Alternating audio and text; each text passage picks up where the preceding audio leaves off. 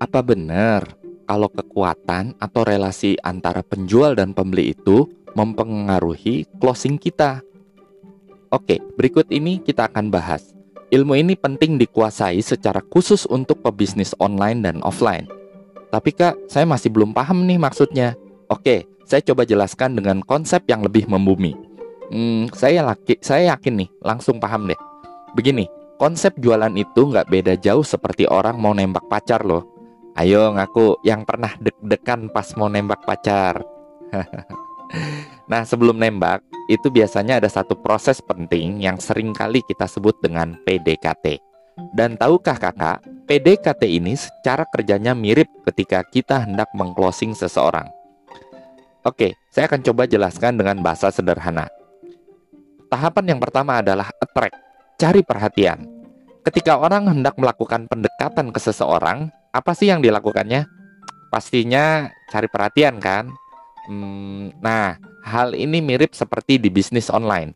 Saat orang akan memulai bisnis online, langkah awal yang perlu dilakukan adalah membuat hal-hal yang bisa menarik perhatian. Apa saja misalnya? Misalnya dengan mengganti profil picture menjadi menarik, rutin berbagi di media sosial, rajin posting hal-hal yang bermanfaat, hmm, dan lain-lain. Tahap yang kedua, engage atau PDKT. Langkah berikutnya setelah cari perhatian adalah PDKT. PDKT atau pendekatan biasanya cara ampuh seseorang sebelum nantinya akan nembak pasangan kita. Biasanya diajak ngobrol, diajak jalan dulu, mulai sering berinteraksi, DLL. Nah, ini mirip seperti akan meyakinkan calon pembeli. Proses ini penting dilakukan untuk membangun kedekatan dengan calon pembeli. Bagaimana caranya?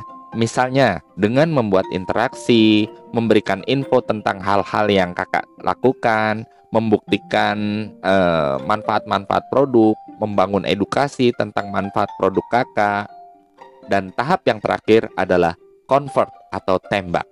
Kalau sudah PDKT, biasanya sesi yang paling deg-degan adalah nembak. Bener nggak?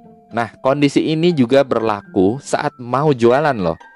Tahap ini di mana kita berencana untuk menawarkan produk dengan harapan setelah melakukan pendekatan hasilnya lebih mudah menjadi closing. Dan faktanya, closing jauh lebih mudah terjadi jika didahulukan dengan pengenalan serta pendekatan terlebih dahulu. Tidak bisa asal nembak,